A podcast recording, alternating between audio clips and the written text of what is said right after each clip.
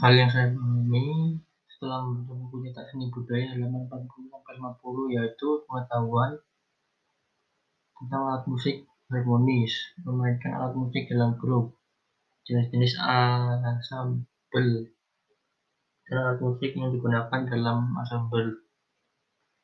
Musik harmonis adalah alat musik yang berfungsi sebagai melodis dan sekaligus ritmis. Alat musik harmonis adalah alat musik yang mampu menghasilkan nada dan juga dapat dimainkan sebagai pengiring dalam paduan nada atau yang lazim disebut akor. Memainkan alat musik dalam grup sering disebut juga dengan ansambel.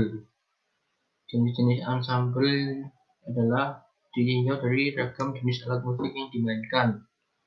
Ada ansambel sejenis, ansambel campuran, dan orkestra.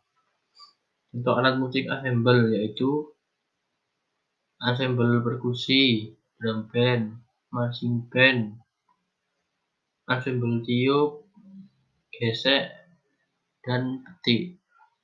Sekian dari saya, terima kasih.